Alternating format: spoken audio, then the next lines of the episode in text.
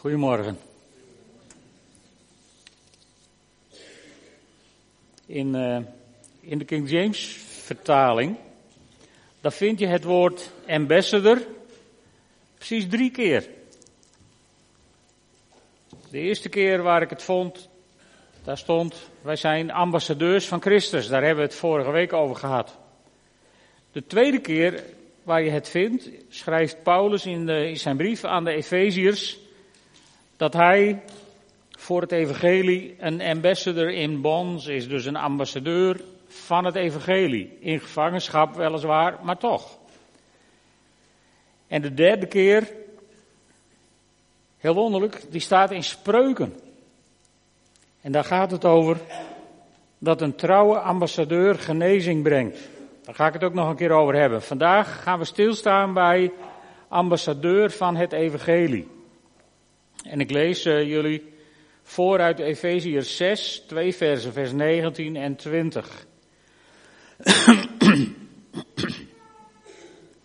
Efeziërs 6, vers 19 en 20. En dan schrijft Paulus, bid ook voor mij dat mij de juiste woorden gegeven worden wanneer ik verkondig, zodat ik met vrijmoedigheid het mysterie mag openbaren van het evangelie waarvan ik gezant, ambassadeur ben, ook in de gevangenis. Bid dat ik daarbij zo vrijmoedig spreek als nodig is. In de, de vergelijkbare brief aan de Colossensen, daar schrijft hij in Colossensen 4, vers 3 en 4, Bid dan ook voor ons dat God deuren voor ons opent om het mysterie van Christus te verkondigen waarvoor ik gevangen zit. En bid dat ik het mag onthullen zoals het moet. Nou, hier zitten een aantal dingen in waar ik even met jullie naar wil kijken. Om te beginnen schrijft Paulus, bid dat mij de juiste woorden gegeven worden. Ik weet niet wie van, uh, wie, wie van de kinderen die er nog zijn op school wel eens een spreekbeurt moet houden. Maar hoe voelt dat als je een spreekbeurt moet houden? Ik ging wel duizend keer dood vroeger, als dat aan de orde was. Vreselijk, een spreekbeurt houden. Hoe bedenkt je de vorm van kindermishandeling? Ja, hè? Ja, ik zie bijval. En dan kun je je nog heel goed voorbereiden. Nou kun je je natuurlijk op een preek ook heel goed voorbereiden. Ik herinner me nog de eerste keer dat ik moest preken. Toen, uh, toen was ik ook groen en geel van ellende. Maar toen had ik alles helemaal uitgetypt wat ik ging zeggen. Vellen vol. En na een halve bladzijde wist ik niet meer waar ik was. En daar sta je dan. Want je kunt toch moeilijk even blijven zoeken. Want ik denk, ik, ik denk dat de meeste mensen het niet zo waarderen als je gewoon je uitgetypte verhaal gaat staan voorlezen. Maar vanuit mijn eigen leven moet ik zeggen, om, om van een paar aantekeningen of een paar bijbelteksten eraan te beginnen, dan moet je wel naartoe groeien. En dan is het goed dat er mensen voor je bidden. Dat de woorden je gegeven worden. En aan de andere kant zegt Jezus zelf tegen zijn discipelen, in Lucas 12, vers 11, wanneer ze jullie voor de synagogen en de autoriteiten en het gerecht slepen, vraag je dan niet bezorgd af hoe of waarmee je je moet verdedigen of wat je moet zeggen, want de Heilige Geest zal jullie op dat moment ingeven wat je moet zeggen.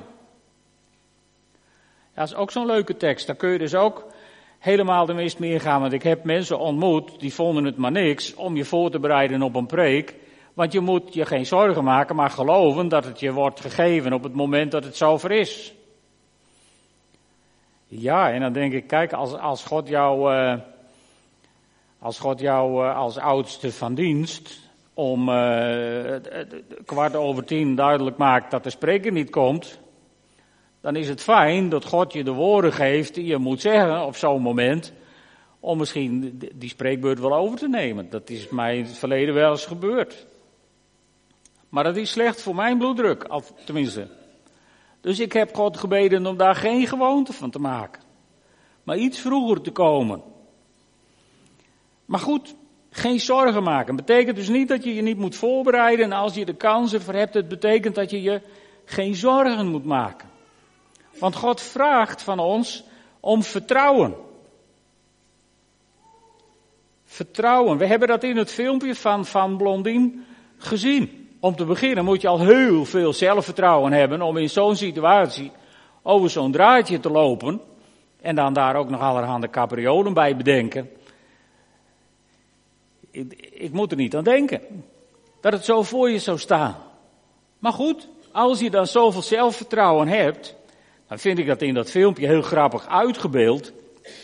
Iedereen die staat te juichen en die staat hoera te roepen en iedereen die, die zelfs als je vraagt, denk je dat ik het kan, roept iedereen ja, ja, ja. En als hij dan uiteindelijk de proef op de som neemt van nou, wie gaat er dan met me mee? Dan blijft er niemand over. Ja, zijn moeder. Die geloofde blind in haar zoon. Maar al die andere mensen, en, en vaak denk ik, zijn wij richting God niet net zo? In goede tijden is het allemaal heel makkelijk om te roepen halleluja en prijs de Heer en, en, en, te roepen mijn vader kan alles. Maar op dagen dat het erop aankomt, op dagen dat je leven is gereduceerd tot een koortje waarvan je het gevoel hebt dat je als een koorddanser je weg door het leven moet zoeken, dan is de situatie anders. En hoeveel vertrouwen hebben we dan in God? Ja, dat is een lastige vraag. Want weet je, in deze maakbare samenleving waarin wij zijn terechtgekomen, verwachten wij zekerheid, maar God verwacht vertrouwen. God verwacht vertrouwen. En uh, de ouderen onder ons kennen misschien dat liedje. De Heer zal alles maken dat ge u verwonderen moet. Ken, ja, Rijn kent dat zinnetje, hè? Ja, en ik denk dat hier met mij genoeg mensen zijn die als je terugkijkt op situaties in je leven, dat je je inderdaad verwondert. En denkt, warempel, God heeft, God heeft het bijzonder gedaan. En dan kijk je vol verbazing terug op je leven. Maar het is een heel ander gezangregeltje als je voor de situatie staat dan zijn wij over het algemeen helemaal niet zulke helden. Want weet je, wij, wij, wij hebben ons aangewend. Ik heb volgens mij dat woord wel eens eerder gebruikt om in scenario's te denken. Als je een beetje te maken hebt met rampenbestrijding, daar wordt in scenario's gedacht. Daar worden allemaal nachtmerriescenario's bedacht. Er is nu zo'n zo serie op de televisie over als, nee, als de dijken breken. Nou, dat is een vorm van scenario denken. Je bedenkt iets verschrikkelijks en dan ga je met elkaar bedenken hoe het nog verschrikkelijker zou kunnen worden en hoe je daar dan op zou kunnen reageren. Nou, dat is voor die tak van sport is dat misschien nuttig, maar voor je geloofsleven, lieve vrienden, is het desastreus. En toch zijn er heel veel gelovigen die doen aan scenario denken. Bij elke situatie die zich voordoet in hun leven is het, oh, help, en wat als, en hoe dan, en in plaats van te vertrouwen op God, is dit veel dichter bij ons, want dit doen we veel vlugger dan in stilte en vertrouwen onze weg gaan. En daar volgens mij, daar moeten we mee stoppen. We, we, kunnen leren van wat Paulus hier schrijft. Paulus die zegt, bid dat mij de juiste woorden gegeven worden wanneer ik verkondig. Paulus vraagt dat ook niet een maand van tevoren. Nee, wanneer ik verkondig, op het moment dat ik verkondig, zegt hij, bid dat God mij dan de juiste woorden geeft. En ook Jezus zegt dat als ze je voor het gerecht slepen of in de synagoge, maak je dan geen zorgen. Laat staan een maand van tevoren, of een week van tevoren van misschien doen ze wel. We kennen dat gedichtje toch wel. De mens lijdt doorgaans nog het meest door het lijden dat hij vreest, maar dat niet opkomt dagen. En daarom heb je meer te dragen dan dat God te dragen geeft. En dat doen we zelf. Dat is niet God die ons plaagt, maar dat is eigenlijk onze, onze domme mentaliteit om daar elke keer weer in te tuinen. En weer te beginnen in, in die spiraal van zorg, Van ja, maar stel dat dit gebeurt en wat dan? En goed, in de Friese Bijbel staat dus eens net stellen. Dus dat moeten we niet meer doen. Dat is niet goed. Er staat een heel mooi verhaal over vertrouwen in de Bijbel. We hebben dat filmpje gezien. Maar er is ook zo'n verhaal over de discipelen. Die zijn op weg naar de overkant en die roeien zich helemaal te pletter, want de wind is tegen. En de hele nacht ploeteren ze en schiet het, het schiet niet op. En dan, je moet je even voorstellen, je moet je even voorstellen, stel je nou eens voor, je, je, je kunt, nou, niemand van ons roeit op het meer, dus dat is een slecht voorbeeld. Maar stel je nou eens voor, je, je zit vannacht in de kamer, want je, je kunt niet slapen. Dat is een bekend voorbeeld voor sommige vrouwen, misschien. Je kunt niet slapen, dus je zit in de kamer, je voeten even op de koude vloer, misschien dat het dan wat beter wordt. En plotseling wandelt er een figuur bij je door de kamer, niet je echtgenoot of de kinderen. Je zou je toch helemaal de rambam schrikken, of niet? Ik bedoel, ik, ik, ik, ik hoor jullie gillen. Dat is wat deze jongens meemaken. Hè? Die roeien zich helemaal te barsten en het is donker en het waait en dan plotseling loopt daar iemand over de golven. Dat kan helemaal niet. Wij zijn aan dat verhaal gewend. Wij lezen dat verhaal met droge ogen en zonder bloeddrukverhoging lezen wij dat verhaal. Maar het zal je maar gebeuren. Van de week fiets je door Drachten en het schiet niet op, want je hebt de wind tegen en plotseling fietst er iemand naast je. Een beetje in het wit als een spook. Ik zou jullie wel eens willen zien. Nou, dat is ongeveer de situatie. En ze gillen het uit en dan gebeurt er iets bijzonders. Met één sprak Jezus hen aan, staat er in Matthäus 14, vers 27. Blijf kalm. Dus geen scenario denken, niet wat als, niet hoe helpt, nee, blijf kalm. Ik ben het. Wees niet bang. En dan gaat hij verder. Dan antwoordt Petrus. En hij zegt: Heer, als u het bent, zeg me dan dat ik over het water naar u toe moet komen. Hij zei: Kom. Petrus benoemde een commissie om de draagkracht van het water te onderzoeken. Nee. Nee, nee, dat zouden wij tegenwoordig misschien doen. Maar, maar Petrus, die stapt uit de boot en die liep over het water naar Jezus toe, maar toen hij voelde hoe sterk de wind was, werd hij bang. Kijk, en hier gaat het mis, want de opdracht was, de voorwaarden, de kleine lettertjes in dit avontuur waren, wees niet bang. Dat was het recept wat Jezus had geschreven, wees niet bang. En dan is Petrus halverwege en dan ziet hij niet meer op Jezus, maar dan ziet hij plotseling op alle omstandigheden. En dan begint hij scenario te denken. Wat als ik door de golven zink, want ik kan niet zwemmen en bla bla bla. Nou, daar gaat hij. Dit is wat er in jouw leven gebeurt als je je overgeeft aan dit soort gedachten. Dan zak je, nou, door het ijs spreekwoordelijk gezegd, of je zakt door de golven, of nou, in ieder geval, je begeeft je in een neerwaartse beweging.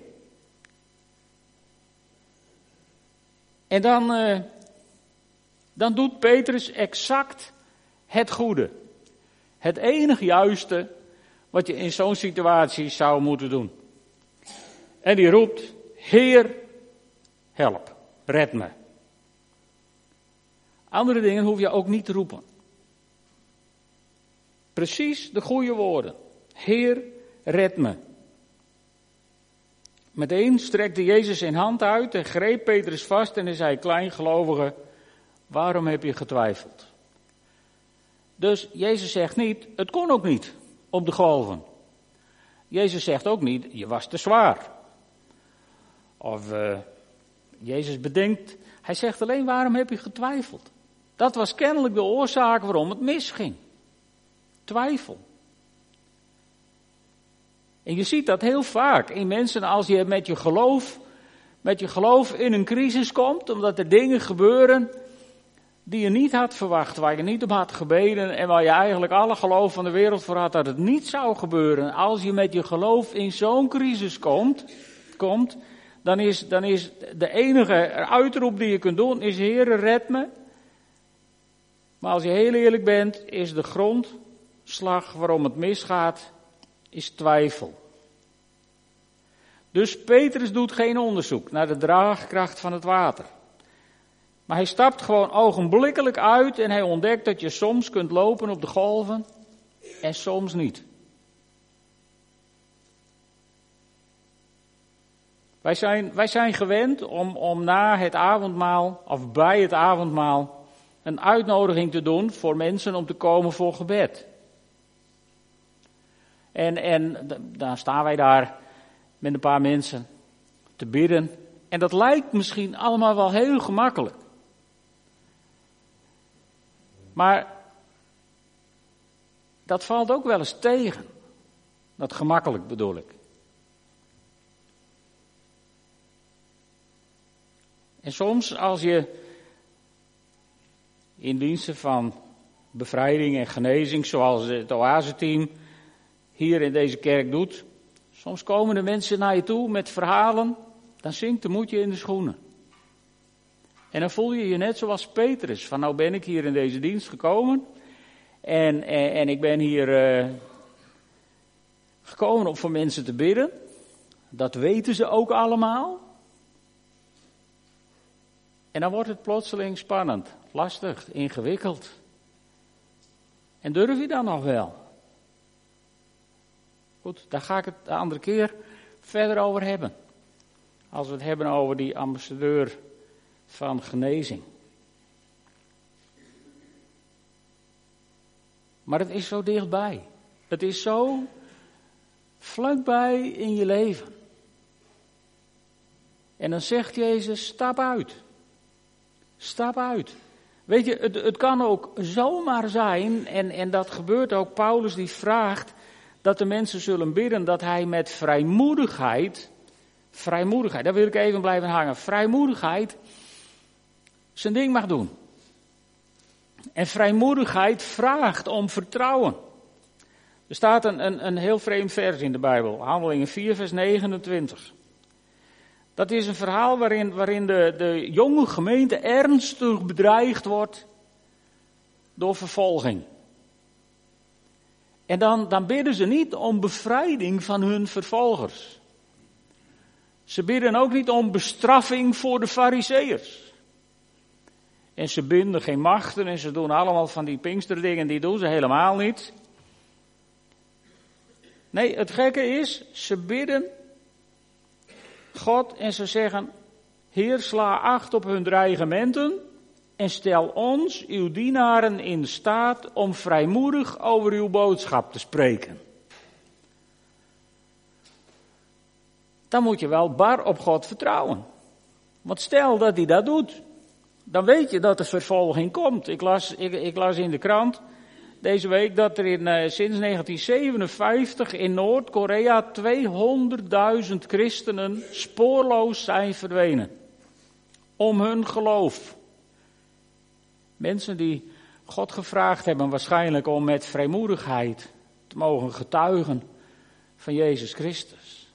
En daar een gigantische prijs voor betalen. En ik wil wat kan ons nou helemaal over, wat kan jou op school nou helemaal overkomen als je iets vertelt over je geloof in Jezus? Ze kunnen je hooguit uitlachen, erger kan het niet worden. En in zo'n land, daar verdwijn je spoorloos, zonder rechten, zonder iets, en kom je op een gruwelijke manier aan je eind. En toch zijn daar heel veel mensen die zo open zijn over hun geloof. Ik weet niet hoe het jullie gaat, maar, maar ik, ik snap dat soms helemaal niet. En dan denk ik, ik weet niet of ik dat zou kunnen. Nou, eigenlijk weet ik wel dat ik het op dit moment niet zou kunnen, want die kracht die heb ik op dit moment ook helemaal niet nodig. En of je het op zo'n moment wel zou kunnen, dat weet je niet. Maar je mag erop vertrouwen dat God je nooit laat zitten. God laat je nooit in de steek in geen enkele situatie. Dus God geeft je vrijmoedigheid. En waar gaat het dan om? Nou, dan wordt het een beetje ingewikkeld. Want dan zegt Paulus, vrij, hij vraagt om vrijmoedigheid om het mysterie te openbaren. In Colossensen 1, vers 26, daar staat het mysterie dat in alle eeuwen en voor alle generaties verborgen is geweest, maar nu als zijn heiligen onthuld is. Dat geldt dus ook voor ons. Wij leven aan de goede kant van, van deze geschiedenis. Het mysterie is onthuld. Aan hen heeft God bekend willen maken hoe glorierijk dit mysterie is voor alle volken. Christus is in u. Hij is uw hoop op goddelijke luister. Maar het blijft een mysterie. Want Paulus die vraagt vrijmoedigheid en hij vraagt om de goede woorden om de mensen te vertellen dat er een geheim is. En een mysterie onthullen wil nog niet zeggen dat je het ook ontrafelt. Ik denk zelfs het tegenovergestelde, want volgens mij wordt er van ons gevraagd om te geloven zonder dat we zien, zonder dat we het helemaal ontrafelen. Want hoe verder je dat mysterie van God ontrafelt, hoe moeilijker het wordt om het allemaal te geloven. En geloven als een kind, is ook waar de Bijbel het steeds over heeft, geloven als een kind, dat wil niet zeggen dat je alles begrijpt wat je vader en moeder besluiten. Integendeel, ik denk dat je als kind heel vaak gewoon niet snapt waarom je vader en je moeder iets besluiten. Want kinderen, even laten we even heel eerlijk zijn, je vader en moeder kunnen soms ongelooflijk stomme beslissingen nemen. Vinden wij, hè? Maar dat komt omdat je het niet snapt. En zo kun je soms ook naar God kijken, hè? Soms, soms laat God dingen toe in je leven waarvan je denkt, nou, oh, oh, ik snap er niks van. Het blijft een mysterie. En zijn we bereid om daarvoor te buigen? Als Paulus aan Timotheus zijn brief schrijft, dan schrijft hij als het ware een lied over dat mysterie. In 1 Timotheus 3, vers 16, daar staat, ongetwijfeld is dit het grote mysterie van ons geloof. Hij is geopenbaard in een sterfelijk lichaam, in het gelijkgesteld door de geest. Hij is verschenen aan de engelen. Hij is verkondigd onder de volkeren. Hij vond geloof in de wereld en is opgenomen in majesteit. Mooi hè? Eén vers. Uit de brief aan Timotheus. Geweldig. Een mysterie. En dat mysterie gaan we niet van alle geheimen ontdoen. Want Paulus die schrijft zelf, nu zien we nog door een spiegel in raadselen. Zo staat het in de NBG-vertaling. Door straks van aangezicht tot aangezicht. Nu ken ik onvolkomen, maar straks zal ik ten volle kennen zoals ik zelf gekend ben. Dus er zijn dingen in je leven die je nu wel snapt. En er zijn dingen in je leven die je nu nog niet snapt. En zeker als je nog uh, in, in, in groep 5, 6, 7 zit of dan snap je nog niet alles wat er in deze wereld is. Dan heb je nog een heel eind, ten eerste nog een heel eind op deze school te gaan. En dan denk je, nou, dan is het klaar, maar jammer, dan begint er een nieuwe school en daar begint weer een hele serie. En, en niet alle jongetjes van zes gaan naar het gymnasium. De meeste jongetjes en meisjes, de meeste kinderen, ja, die worstelen daar tegenaan om alles te snappen in deze wereld, om alles te begrijpen. En misschien, misschien denken jullie wel van nou, als ik later groot ben, dan snap ik alles. Nou, dan heb je vandaag een beroerde dag. Ik kan je vertellen, als je later groot bent, dan snap je zo'n ietsje meer. En de rest blijft een mysterie. Je kunt op de televisie de prachtigste programma's zien op National Geographic en op Discovery en op al dat soort programma's. En, en, en dan kun je de mooiste programma's zien over het heelal. En, en hoe langer ik er naar kijk, hoe meer ik onder de indruk raak. En denk, wauw. Wauw. Het staat in Genesis zo simpel. God heeft ze daar even neergehangen. Maar als je dan gaat zien wat hij daar allemaal heeft neergehangen, dat was geen kleinigheid. In één dag. Dan moet je wat kunnen. Dat is een mysterie hoe hij dat gehad heeft. En ja, sommige geleerden die denken dat ze dat helemaal snappen. En die zeggen, joh, dat heeft miljarden jaren geduurd en daar was God helemaal niet benodigd, want het is gewoon toevallig zo ontstaan. Nou, dat is ook een mysterie, hoe dat zou kunnen. Dus van welke kant je het ook aanvliegt, het hele universum waar wij in leven, is één groot mysterie, waar wij een heel klein stukje van begrijpen. En zo is het ook in de geestelijke wereld, in ons leven met God. Ook daar zitten meer geheimen in dan antwoorden. En gelukkige christenen, dat zijn de christenen die hebben leren leven met de geheimen. Zonder uit te zijn op de antwoorden. En neem van mij aan, als je veel uh, dingen bestudeert van theologen en filosofen, hoe meer mensen ontrafelen over het algemeen, hoe ongelukkiger ze worden. Of hoe verder van God ze wegdwalen. Dus laten we gewoon lekker in dat mysterie blijven. Papa weet het. jullie kennen dat verhaal, dat, dat versie van Paul van Vliet, voor mij heb ik dat hier eens gebruikt niet. Van uh, veilig achterop bij vader op de fiets. Is voor mij een hele dierbare herinnering in mijn leven. Vroeger, heel vroeger, toen ik een jaar of vier, vijf was, toen uh, mijn vader werkte in de wegenbouw en wij woonden in zo'n uh, in zo'n woonwagen, zeg maar een mobiel huis. En eh, dat werd met project na project meegezeuld door Nederland. Dus ik, ik woonde als kleinkind vlak bij mijn vader en zijn werk. En ik herken dit. Veilig achterop bij vader op de fiets. Dan ging vader s'avonds het werk nog even over om te kijken of overal de borden goed stonden en de afsluitingen klopten en weet ik wat. En dan mocht je in de zomer even mee. Voeten in de fietstas, kinderzitjes hadden we nog nooit van gehoord. Vader zijn duffelse jas aan en daar de handjes in, kopje er tegenaan. En ik heb nooit met mijn vader gediscussieerd hoe hij het in zijn hoofd haalde om heen te gaan waar we heen gingen. Overal waar we heen gingen vond ik het helemaal geweldig. Want ik was bij mijn vader en het was zijn werk en dat was het knapste werk van de hele aarde. En het was machtig dat je even mee mocht om te kijken. Toch? Zo werkte het toch? Of hadden jullie als klein kind de neiging om tegen je vader te zeggen, nou ga jij maar achterop zitten, ik zal wel even sturen? Ik heb dat nooit gehad. Ik vertrouwde mijn vader. En wat hij allemaal deed, dat bleef een mysterie.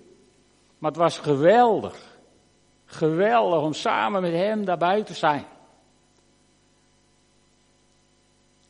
En zo is het ook in de geestelijke wereld. Mijn vader kan alles. Die doet de meest geweldige dingen in het universum.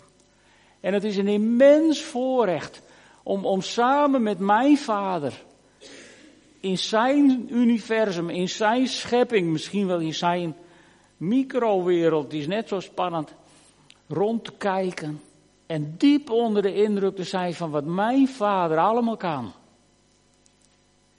Dat is toch geweldig? Als je dat allemaal zou ontrafelen, lieve vrienden, als je dat allemaal zou snappen, is de hele romantiek van dit verhaal is eraf. Dan is er niks meer aan. Maar bij vader achterop, veilig op de fiets. Dat is een mysterie, maar dat is de beste plek om te zijn. En zo ga je dus niet alles begrijpen. En ondertussen mogen we er wel over vertellen. En misschien zakt je daar dan de moed bij in de schoenen. Maar dan wil ik je toch nog iets meegeven als extra bemoediging. Want het hoeft niet ingewikkeld te zijn. Vorige week heb ik dit, dit Bijbelstukje ook gebruikt. In Marcus 5, waar Jezus die bezeten man in het land van de Gadarenen heeft bevrijd van al zijn demonen. En dan, dan wordt Jezus vriendelijk verzocht om weg te gaan, hè, want zijn aanwezigheid is te duur. En, en dan wil die man, die wil mee. En dan zegt Jezus tegen hem, je moet teruggaan naar je familie, naar je stad, naar de plek waar je vandaan komt.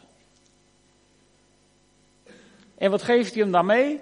Nou, hij geeft hem geen theologie van bevrijding mee. Hij zegt ook niet, je moet eerst maar eens een cursus doen, of je moet eerst alle boeken maar eens lezen die erover zijn. Hij geeft hem geen eens theologisch onderwijs. Ik bedoel, die man is alleen maar bevrijd. Hè? Die heeft niet één preek van Jezus gehoord. Helemaal nada, nul, niks. Hij is alleen maar bevrijd.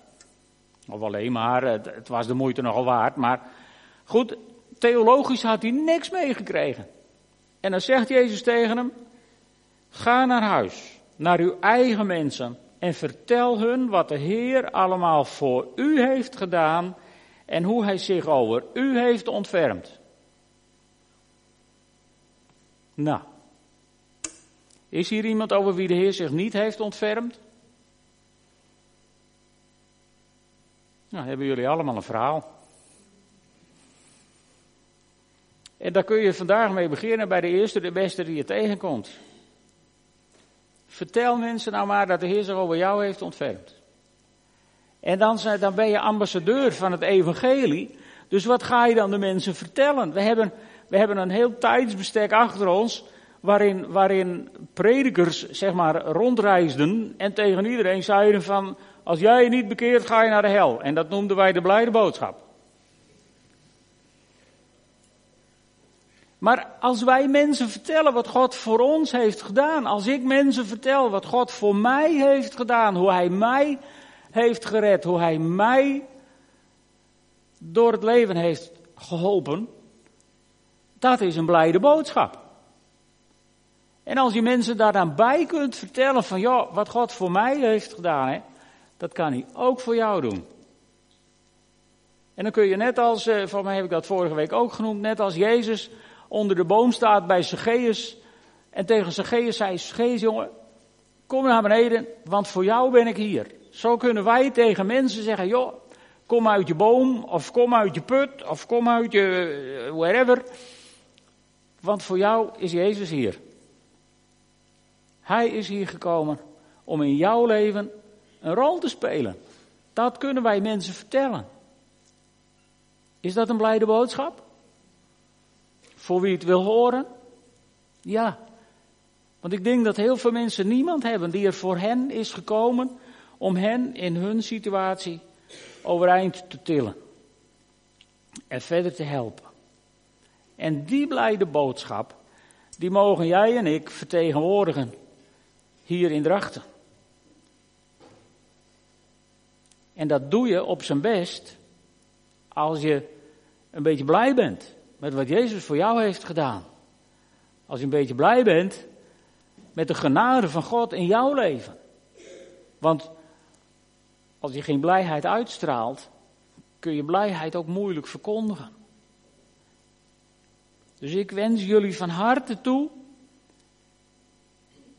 dat je met vrijmoedigheid een stukje van dat mysterie mag openbaren van het evangelie waarvan jij ambassadeur bent. Zullen we samen een moment bidden? Vader in de hemel. Allemaal zoals we hier zitten, hebben we een verhaal. We hebben allemaal dingen meegemaakt in ons leven. Zelfs veel kinderen hebben al het nodige meegemaakt. En allemaal kunnen we getuigen van uw grootheid, want u hebt ons allemaal tot hiertoe gebracht. Ieder van ons. Heer is door u vastgehouden. Ieder van ons is door u geleid naar de plek waar we nu zijn, naar de situatie waar we nu zijn. En ieder van ons, ook sommigen die worstelen met vragen en misschien in een hele moeilijke fase van hun leven zitten, kunnen getuigen dat u er elke dag bent. Dat u ons elke dag draagt. Dat u ons nooit loslaat, nooit alleen. Heren, dat verhaal hebben we allemaal. En daar dank ik u voor, daar prijs ik uw naam voor. En ik bid u, heren, geef ons de juiste woorden als we verkondigen. zodat we met vrijmoedigheid het mysterie mogen openbaren van het evangelie waarvan wij ambassadeurs zijn. Geef het ons, Heer, uit uw genade. Amen.